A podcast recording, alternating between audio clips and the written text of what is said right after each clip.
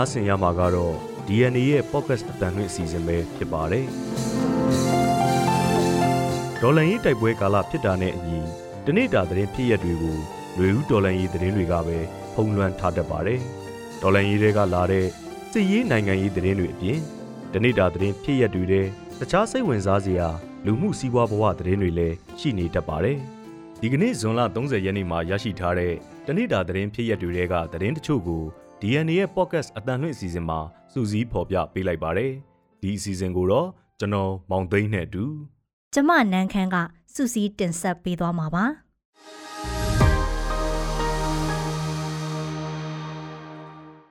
ပထမဦးဆုံးအနေနဲ့စကိုင်းမှာ9ရက်အတွင်းကာကွယ်ရေးတပ်ဖွဲ့ဝင်40နီးပါးကြာဆုံးတယ်ဆိုတဲ့အကြောင်းကိုပြောပြပေးပါမယ်။တပ်ကောင်စီကိုခုခံတွန်းလှန်မှုအားကောင်းသလိုအဆိုးရွားဆုံးဖိနှိပ်မှုတွေနဲ့လည်းရင်ဆိုင်နေရတဲ့ စကိုင်းတိုင်းမှာတော့အခုနောက်ဆုံးပတ်9ရက်အတွင်းကာကွယ်ရေးတပ်ဖွဲ့ဝင်40နီးပါးအထိကြာဆုံးခဲ့တယ်လို့သတင်းထုတ်ပြန်ချက်တွေနဲ့မြေပြင်သတင်းအရင်းမြစ်တွေစီကသိရပါဗျ။မန္တလေးမြို့ရဲ့အနောက်ဘက် AR မြစ်ကမ်းဘေးမှာတည်ရှိတဲ့စကိုင်းမြို့ရဲ့အစွန်အဖျားကကြေးရွာတွေကိုစစ်အုပ်စုကအခုရက်ပိုင်းအတွင်းမှာပဲကုန်းချောင်းရေချောင်းကနေထိုးစစ်ဆင်တိုက်ခိုက်နေလို့တိုက်ပွဲတွေဆက်တိုက်ဖြစ်ပွားနေပါတယ်။ တိုက်ပွဲတွေနဲ့အတူပဲကာကွယ်ရေးတပ်စခန်းတွေကိုစစ်ကောင်စီဘက်ကအလစ်ငိုက်ဝင်ရောက်စီးနင်းတိုက်ခိုက်မှုတွေကြောင့်ကာကွယ်ရေးတပ်ဖွဲ့ဝင်တွေဘက်ကကြဆုံမှုတွေအကြောင်းကိုတပ်ဆိုင်ရာကာကွယ်ရေးတပ်တွေကထုတ်ပြန်ကြသလိုမြေပြင်သတင်းအရင်းမြစ်တွေကလည်းပြောဆိုကြပါဗျ။မနေ့ဇွန်လ29ရက်မနက်ပိုင်းမှာလဲစကိုင်းနယ်ဝက်လက်မြို့အဆက်စကိုင်းမြို့မြောက်ဘက်မှာရှိတဲ့တလိုင်းရွာအနီးစကိုင်းရွှေဘူပြူဟာလန်းပေါ်မှာစစ်အုပ်စုနဲ့ဒေါ်လာရစ်တပ်ဖွဲ့တွေထိတွေ့မှုဖြစ်ခဲ့လို့ဒေါ်လာရစ်တပ်ဖွဲ့ဝင်14ဦးအထိကြာဆုံးခဲ့ပါတယ်။ အင်အား40လောက်ပါတဲ့စစ်အုပ်စုဟာမန္တလေးဘက်ကနေအေယာရီမြစ်အတိုင်းတန်ကွန်တစည်းစပီပုတ်3စီးနဲ့စံတက်လာပြီးသခိုင်းမြို့မြစ်ကမ်းဘေးမှာရှိတဲ့အုပ်ဖို့ရွာကိုစတင်ဆင်းနှင်းဝင်ရောက်ကအဲ့ဒီကမှတလိုင်းရွာဘက်ကိုဆက်လက်ဝင်ရောက်ခဲ့တာပါ။ကြဆုံသွားတဲ့ရဲဘော်တွေထဲမှာသခိုင်းခရိုင် PDF တပ်ရင်း3ကသူ့တပ်ရင်းမှုတက်ခွဲမှုနဲ့တက်စိတ်မှုတွေအပါအဝင်၉ဦးအထိပါဝင်ခဲ့ပြီးတက်ရင်တက်က2ဦးနဲ့ ပြည်ဦးလွင်ခရိုင်ပြည်သူ့ကာကွယ်ရေးအဖွဲ့က3ဦးပါဝင်ခဲ့တယ်လို့ဒေါ်လန်ရေးရဲဘော်တွေကအတီးပြုတ်ပြောဆိုကြပါတယ်။အလားတူပဲစကိုင်းမြို့နယ်ကင်းတော်ရွာ PDF စခန်းကိုပြီးခဲ့တဲ့ဇွန်လ25ရက်ကစက်ကောင်စီတပ်သားတွေဝင်ရောက်စီးနင်းခဲ့တဲ့ဖြစ်စမှာတော့ရဲဘော်15ဦးနဲ့ရဲမေ2ဦးစုစုပေါင်းအယောက်20နီးပါးအထိကြဆုံးခဲ့ပါတယ်။စက်ကောင်စီတပ်သားတွေဟာသူတို့တပ်ဖြတ်လို့တေဆုံးခဲ့တဲ့ PDF ရဲဘော်ရဲမေ18ဦးတဲက ရဲဘော်အချို့ကိုမိရှို့သွားခဲ့ပြီးသူတို့အုပ်စုဖွဲ့မရင်းကျင်ခဲ့တဲ့ရဲမေ2ဦးကိုတော့ဝိုင်းဝန်းနှိပ်စက်ထားတဲ့ဒဏ်ရာတွေနဲ့ပြစ်ထားခဲ့တာဖြစ်တယ်လို့ဒေသကာကွယ်ရေးအဖွဲ့တွေနဲ့နှိစက်သူတွေကဆိုပါတယ်ဒုတိယသတင်းတပုတ်အနေနဲ့ပသိမ်ကြီးမှာစစ်ကောင်စီကဖယ်ရှားမဲ့ကြေးရွာနဲ့နေအိမ်တွေထပ်တိုးလာတဲ့သတင်းကိုပြောပြပေးပါမယ်။မန္တလေးမြို့ပသိမ်ကြီးမြို့နယ်မှာလေယာမြေပေါ်အကွက်ရိုက်နေထိုင်တဲ့ဆိုတဲ့အကြောင်းပြချက်နဲ့စစ်ကောင်စီကဖျက်ဆီးမဲ့ကြေးရွာနဲ့နေအိမ်အရေးအတွက်ထပ်တိုးလာတယ်လို့ဒေသခံတွေစီကသိရပါဗျ။ စစ်ကောင်စီဟာပြီးခဲ့တဲ့ရပိုင်းအတွင်းမှာပဲပသိမ်ကြီးမြို့နယ်16လမ်းနဲ့အရှိမြို့ဘက်လမ်းအနီးရှိတဲကုံတလဲကုံဂွေကြီးကုန်းကြေးရွာတွေအပါအဝင်ဗိုလ်တက်ကုန်းတန့်စင်ကုန်းကြေးရွာတွေဘက်ကလေယာမြေပေါ်ဆောက်လုပ်ထားတဲ့နေအိမ်တွေကိုဖယ်ရှားပေးဖို့အတိပေးစာတွေလာရောက်ကတ်သွားတယ်လို့ဆိုကြပါဗျ။ဒါအပြင်လမ်း30နဲ့အရှိမြို့ဘက်လမ်းတောင်အနီးနားရှိနန်းဦးလင်ကျွော်အုပ်စုနန်းဦးလင်ရွာရှိနေအိမ်တွေကိုတရားမဝင်ကျူးကျော်ဆောက်လုပ်ထားတယ်ဆိုကဖယ်ရှားပေးဖို့အာဏာသိမ်းစစ်ကောင်စီလက်အောက်ခံ မြို့နယ်လေယာမြေစီမံခန့်ခွဲမှုအဖွဲ့ကဒီလ26ရက်နေ့မှာအတိပေးစာထုတ်ပြန်ထားတာပါအဲ့ဒီနောက်အခုလိုပသိမ်ကြီးမြို့နယ်တဲကတခြားကျွော်တွေကနေအိမ်တွေကိုဖယ်ရှားဖို့အတိပေးတာစာကတ်တာတွေကိုဆက်လက်လှုပ်ဆောင်လာတာလို့ဒေသခံတွေကဆိုကြပါတယ်။စစ်ကောင်စီရဲ့အတိပေးစာအရလဲရမြေလုတ်ပိုင်ခွင့်ပြုလက်မှတ်ပုံစံခွန်ရရှိထားတဲ့မြေခွက်တွေအပေါ်မှာတိုက်တာအိုးအိမ်ဆောက်လုပ်ထားသူတွေနဲ့လဲရမြေကိုအကွက်ရိုက်ရောင်းချသူများထံမှဝယ်ယူထားသူတွေရဲ့နေအိမ်တွေဟာ လာမယ့်ဇူလိုင်လပထမပတ်အတွင်းအပီးတိုင်ဖယ်ရှားပေးဖို့ရှိနေတာပါစစ်ကောင်စီကဖယ်ရှားရမယ့်နေအိမ်တွေရှိမှတင်မောစီအနီရောင်နဲ့ကြက်ချီကတင်ဂီတာလှုပ်တာနံပါတ်စင်တွေရေးသားပြီးအမှတ်သားတွေပြုလုပ်နေတယ်လို့ဒေသခံတွေကပြောပါတယ်။လက်တလုံးမှာစစ်ကောင်စီကဖယ်ရှားပေးဖို့အတိပေးထားတဲ့နေရာတွေမှာအင်ဂျီပေါင်းထောင်ထဲချီရှိသလိုအစင်းစင်ပြန်လဲဝယ်ယူနေထိုင်ကြသူတွေအများစုပါဝင်တဲ့အတွက်တံမိုးမြင့်နေအိမ်တိုက်တာအဆောက်အဦတွေကိုလည်းစောက်လုပ်ထားကြတာပါဆက်လက်ပြီးတော့ကလေးမျိုးနယ်မှာအခုလအတွင်း အရက်သား20နီးပါးတည်ဆုံးတယ်ဆိုတဲ့အကြောင်းကိုပြောပြပေးပါမယ်။။စကိုင်းတိုင်းကလေးမြို့နယ်မှာအခုဇွန်လအတွင်းစက်ကောင်စီရဲ့လက်နက်ကြီးပစ်ခတ်မှုလေးချောင်းတိုက်ခိုက်မှုနဲ့ကားမတော်တဆမှုတစ်ခုကြောင့်အရသားအနည်းဆုံး18ဦးသေဆုံးခဲ့တယ်လို့ဒေသခံတွေနဲ့ဒေသတွင်းသတင်းအချက်လက်တွေအရသိရပါဗျ။သေဆုံးသူ18ဦးမှာစက်ကောင်စီတပ်ရဲ့လက်နက်ကြီးပစ်ခတ်တာကြောင့်10ဦးလေကြောင်းတိုက်ခိုက်မှုကြောင့်တဦးနဲ့ရဲမတော်တဆမှုကြောင့်၈ဦးဖြစ်တယ်လို့ DNA ကပြုစုထားတဲ့အချက်လက်တွေအရသိရတာပါ။ ဒါအပြင်တေဆုံးသူအရက်သား19ဦးမှာခလေးတငယ်၄ဦးပါဝင်ပြီးထိခိုက်ဒဏ်ရာရသူ30ကျော်မှာခလေးတငယ်9ဦးအနည်းဆုံးပါဝင်တယ်လို့သိရပါဗျ။စစ်ကောင်စီတပ်ရဲ့လက်နက်ကြီးနဲ့ပစ်ခတ်မှုကြောင့်အခုဇွန်လအတွင်းကလေးမျိုးနယ်တောင်ပိုင်းတာစီထိုမာတာယာကုန်းစံသာနဂပွက်နဲ့ကလေးမျိုးနယ်မြောက်ပိုင်းလက်ပံချောင်းကျေးရွာတွေအပြင်ကလေးမျိုးပေါ်တန်ဟန်းရက်ကွက်ကအရက်သားတွေပါထိခိုက်သေးဆုံးမှုတွေရှိခဲ့တာပါ ဇွန်လ24ရက်ကကလေးမျိုးနယ်ရာစကြိုကြီးရွာမြောက်ဘက်တရားကိုခရီးသည်ကားဖြတ်နေတဲ့အချိန်မှာတရားကျိုးကြခဲ့တာကြောင့်ကားပေါ်လိုက်ပါလာတဲ့9ဦးအနက်10ဦးအသက်ဆုံးရှုံးခဲ့တယ်လို့ဒေသခံတွေစီကသိရပါဗျ။ကလေးမြို့နယ်မှာစွန်လအတွင်းကားမတော်တဆမှုတစ်ခုအပါအဝင်စစ်ကောင်စီတပ်ရဲ့ပြစ်ခတ်မှုတွေကြောင့်တေဆုံးသူအရက်သား18ဦးရှိပြီးနောက်ဆက်တွဲတေဆုံးမှုတွေလည်းရှိနိုင်တယ်လို့ဒေသတွင်းသတင်းအချက်လက်တွေစုဆောင်းသူတဦးစီကသိရပါဗျ။နောက်ထပ်သတင်းတစ်ပုဒ်အနေနဲ့ဗိ တ်မာကုရဘာနီအပွဲတော်လုပ်သူတချို့ဒဏ်ငွေရိုက်ခံရတဲ့သတင်းကိုပြောပြပေးပါမယ်။တနင်္သာရီတိုင်းဗိတ်မြို့မှာပြီးခဲ့တဲ့ဇွန်လ29ရက်ကအစ္စလမ်ဘာသာဝင်တွေရဲ့အထွတ်အမြတ်ဖြစ်တဲ့ဂရဘာနီအပွဲတော်ပြုလုပ်သူတချို့ကိုစစ်ကောင်စီတပ်ဖွဲ့ဝင်တွေကငွေဒဏ်ရိုက်ခဲ့တယ်လို့မြို့ကန်တွေကပြောပါတယ်။ဂရဘာနီလုံးမဲ့နွားတွေကိုဗလီမှာမတက်ဘဲနေအိမ်ကိုယူလာပြီးတက်လို့ဆိုကအစ္စလမ်ဘာသာဝင်9ဦးခန့်ငွေဒဏ်ရိုက်ခံခဲ့ရတာလို့သိရပါတယ်။နှစ်စဉ်လုံနေကြအတိုင်းလှုပ်ဆောင်ခဲ့တာဖြစ်ပေမဲ့ ကင်းပတ်လာတဲ့စစ်သားတွေကတော့ဒီလိုလှုပ်ဆောင်မှုတွေအပေါ်ချင်းချောက်ကဒဏ်ငွေတောင်းယူသွားခဲ့ကြတာလို့ဗိမျိုးကန်တူကပြောပါတယ်။စစ်ကောင်စီလက်အောက်ခံဌာနဆိုင်ရာတွေကတော့အင်းနေမတိုင်မီဗလီဆရာတွေကိုခေါ်ပြီးကရဘာနီလှုပ်တာကိုအင်းနေတရက်တည်းအပီးလှုပ်ဖို့အိမ်တွေမှာမလှုပ်ဖဲဗလီမာသာလှုပ်ဖို့နဲ့မလိုက်နာတဲ့သူတွေကိုအေးအေးယူမယ်ဆိုပြီးကြိုတတိပေးထားတယ်လို့သိရပါတယ်။ဒါအပြင် အရင်နှစ်တွေကတော့အင်းနေနဲ့နောက်နှစ်ရက်စုစုပေါင်း3ရက်အတွင်းကရဘာနီလုံးလို့ရပေမဲ့ဒီနှစ်မှာတော့အင်းနေတရက်ထဲမှာပဲအပိသက်လှုပ်ခိုင်းတယ်လို့လည်းသိရပါဗျ။ကရဘာနီအပွဲတော်လှုပ်တာနဲ့ပတ်သက်ပြီးစစ်ကောင်စီဘက်ကဘိမျိုးမှာဘာလို့အခုလိုကန့်သက်တာလဲဆိုတာကိုအသေးစိတ်မသိရသေးပါဘူး။နောက်ဆုံးအနေနဲ့စစ်ကောင်စီရဲ့လက်နက်ကြီးထိလို့ရေစကြိုဒေသခံအမျိုးသမီးတဦးသေဆုံးတယ်ဆိုတဲ့အကြောင်းကိုပြောပြပေးပါမယ်။မကွေးတိုင်းရေစကြိုမြို့နယ်ငတရောကျေးရွာက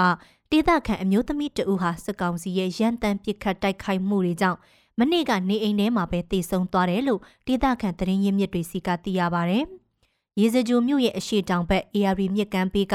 မင်းရွာမှာတက်ဆွဲထားတဲ့စစ်သားတွေနဲ့ပြူစောတီးတွေကအဲ့ဒီရွာရဲ့အနောက်ဘက်မိုင်းအနှဲငယ်အကွာမှာရှိတဲ့ငတရောရွာဖက်ကိုမနေ့ကညနေပိုင်းမှာ60မမလက်နက်ကြီးတွေအပြင် drone နဲ့ပုံကျဲတိုက်ခိုက်ခဲ့တယ်လို့ရေစကြိုဒေသတွင်သတင်းရင်းမြစ်တွေကပြောပါရယ်။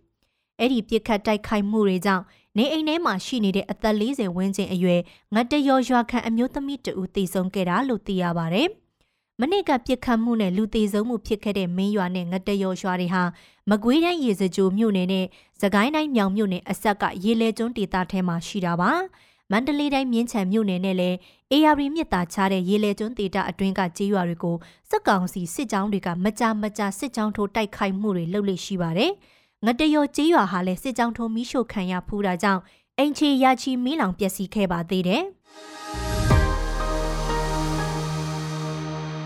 အခုနိုင်ငံတကာသတင်းအစီအစဉ်ကိုကိုမောင်သိန်းကဆက်လက်တင်ဆက်ပေးပါမယ်။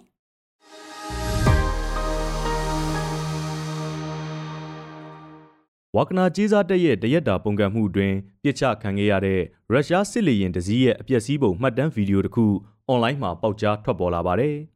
ပြီးခဲ့တဲ့သတင်းပတ်ကုံကရုရှားကြေးစားတပ်ဝါကနာဟာရုရှားစစ်ဗိုလ်ချုပ်တွေကိုဖြုတ်ချမယ်လို့ကြွေးကြော်ပြီးမော်စကိုမြို့တော်ထိဥတီချီတက်ခဲ့တာဟာ24နာရီအတွင်းအဆုံးသတ်ခဲ့ပေမဲ့ရုရှားလေတပ်အတွက်တော့အဲ့ဒီအချိန်တိုလေးအတွင်းမှာတင်ပေးဆက်မှုတွေကြီးမားခဲ့ပါတယ်။သမရဗလာဒီမာပူတင်ကိုယ်တိုင်ကလည်းဝါကနာတွေရဲ့ပုံကံမှုအတွင်းရဲရဲဝံ့ဝံ့အသက်ပေးသွားတဲ့လေတရဲတွေကိုဂုဏ်ပြုရမှာဖြစ်တယ်လို့ထုတ်ပြောထားပါတယ်။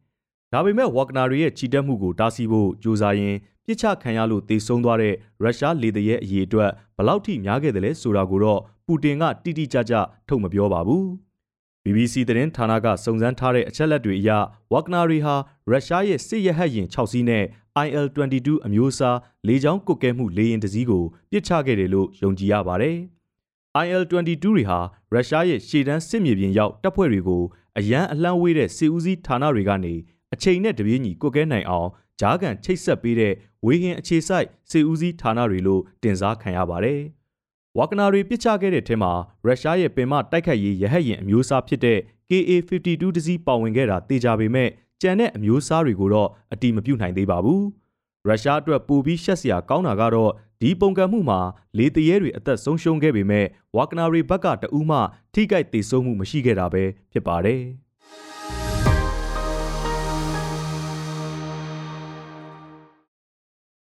ပုံကံမှုတစ်ခုနဲ့ကြုံခဲ့ရပြီးနောက်ပထမဆုံးအကြိမ်လူအများရှိပြန်ထွက်လာချိန်မှာရုရှားသမ္မတဗလာဒီမာပူတင်ဟာကမ္ဘာကျော်ရော့ဂီတာကျယ်ဝင့်တူကိုပရိသတ်တွေကတဲတဲလှုပ်ဖြစ်ကြသလိုကြိုးဆိုတာမျိုးခံခဲ့ရပါတယ်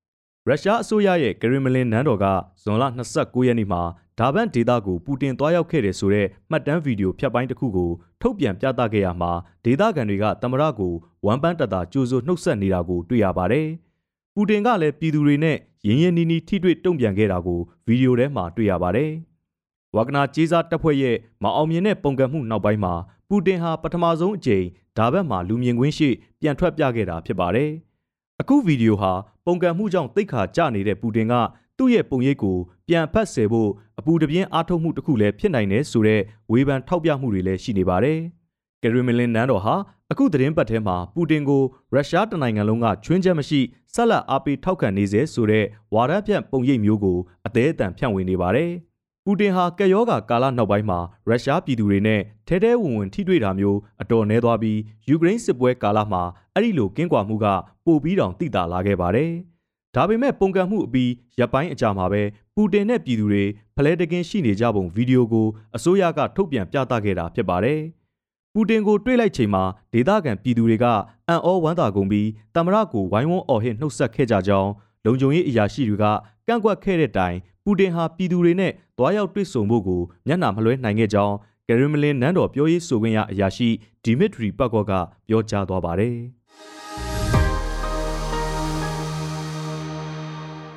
အခုနားဆင်ရမှာကတော့ ARD Alban အစည်းကဏ္ဍပဲဖြစ်ပါတယ်။ ပသိမ်ထီးနဲ့ခရင်ဝါ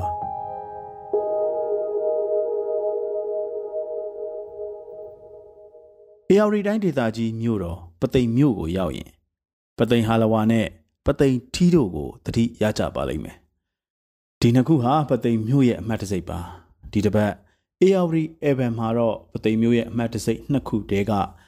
ပသိမ်ထီးအကြောင်းပြောပြချင်ပါတယ်မြမရိုးရာထီးမျိုးမျိုးရှိပါတယ်ရဟန်းဆောင်ထီး သီလရှင်ဆောင်ထီးအမျိုးသမီးဆောင်ထီးကလေးတငယ်ဆောင်ထီးဝါတလုံးအမျိုးသမီးဆောင်ထီးစသဖြင့်ပုံစံအမျိုးမျိုးအရွယ်မျိုးမျိုးပကြီးဒီဇိုင်းအစုံထုတ်လုပ်ခဲ့ကြပါတယ်။ထီးလောက်ရမှာအဓိကမပါမဖြစ်တဲ့ပစ္စည်းကတော့ဝါဖြစ်ပါတယ်။အခုလိုမိုးဦးကြပြီဆိုရင်အေယာရီမြို့ဝကျွန်းပေါ်ကတောကြီးခြုံကြီးတွေမှာဝဆူကြီးတွေထွက်လာတာကို တွေ့ရတတ်ပါတယ်။ ဝါဟာမြက်ကြီးတစ်မျိုးဖြစ်ပြီးမုတ်တုံတစ်တော်တွေမှာတန်ဆွမ်းစွာ ပေါက်ရောက်လေရှိပါတယ်။ကဘာပေါ်မှာဝါမျိုးစု Genius 90နဲ့မျိုးစိတ် Species 990ခန့်ရှိပါတယ်။ပသိမ်ထီးလုပ်ငန်းမှာထီးအစိပ်အပိုင်းအတီးတီးရှိပြီးဝါနဲ့တစ်များကိုကုန်ကျန်းအဖြစ်အသုံးပြုပါတယ်။ထီးကိုင်းကိုတော့မယိုးသားမအူလက်တန်ရှည်သားကိုသုံးပါတယ်။ ထီးရိုးကိုခင်းဝါသုံးပါတယ်။ထီးချက်ကတလက်တူဝါပါ။ထီးခရိုင်တောက်ကလည်းတလတူဝါပါပဲထီးခေါင်းကတော့တောင်မယိုးဒီတူးမအူသားပါဒီနေရာမှာသတိပြုမိတာကတော့ပသိမ်ထီးရဲ့ထီးရိုးကိုအေယာရီတိုင်းမှာနေရာအနှံ့ပေါက်ရောက်လေရှိတဲ့ထီးရိုးဝါကိုအသုံးမပြုဘဲခရင်ဝါကိုထီးရိုးအဖြစ်သုံးနေဆိုတာပါပဲ ခရင်ဝါဟာတပင်ချင်းပေါက်လေရှိပြီးယုံနဲ့မပေါက်ပါဘူးအင်းတိုင်းဆန်တဲ့မြေ၆သွေးတဲ့မြေမြေနီတွေမှာပေါက်လိရှိပါတယ်။ဖြောင်းတန်းပြီးချစ်လက်တဲ့ဝဂျင်မျိုးဖြစ်ပါတယ်။ခင်းဝါးကိုအရှိ၄တောင်လောက်ဖြတ်ပြီးအသားတေအောင်မိခင်ပြီးကမှထီယိုးအဖြစ်အသုံးပြုတာဖြစ်ပါတယ်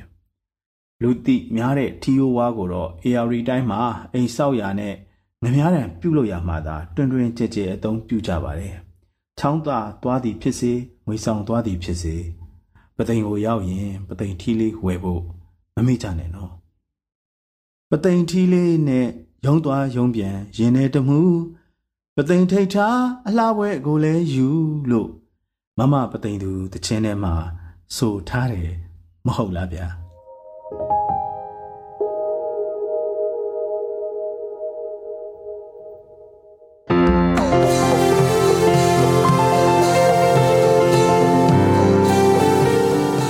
DNA ရဲ့ podcast အတန်လွင့်အစီအစဉ်ကိုအပတ်စဉ်တင်းလာနေကနေတောက်ကြနေည9:00နာရီတိုင်းမှာတင်ဆက်ပေးသွားမှာပဲဖြစ်ပါတယ်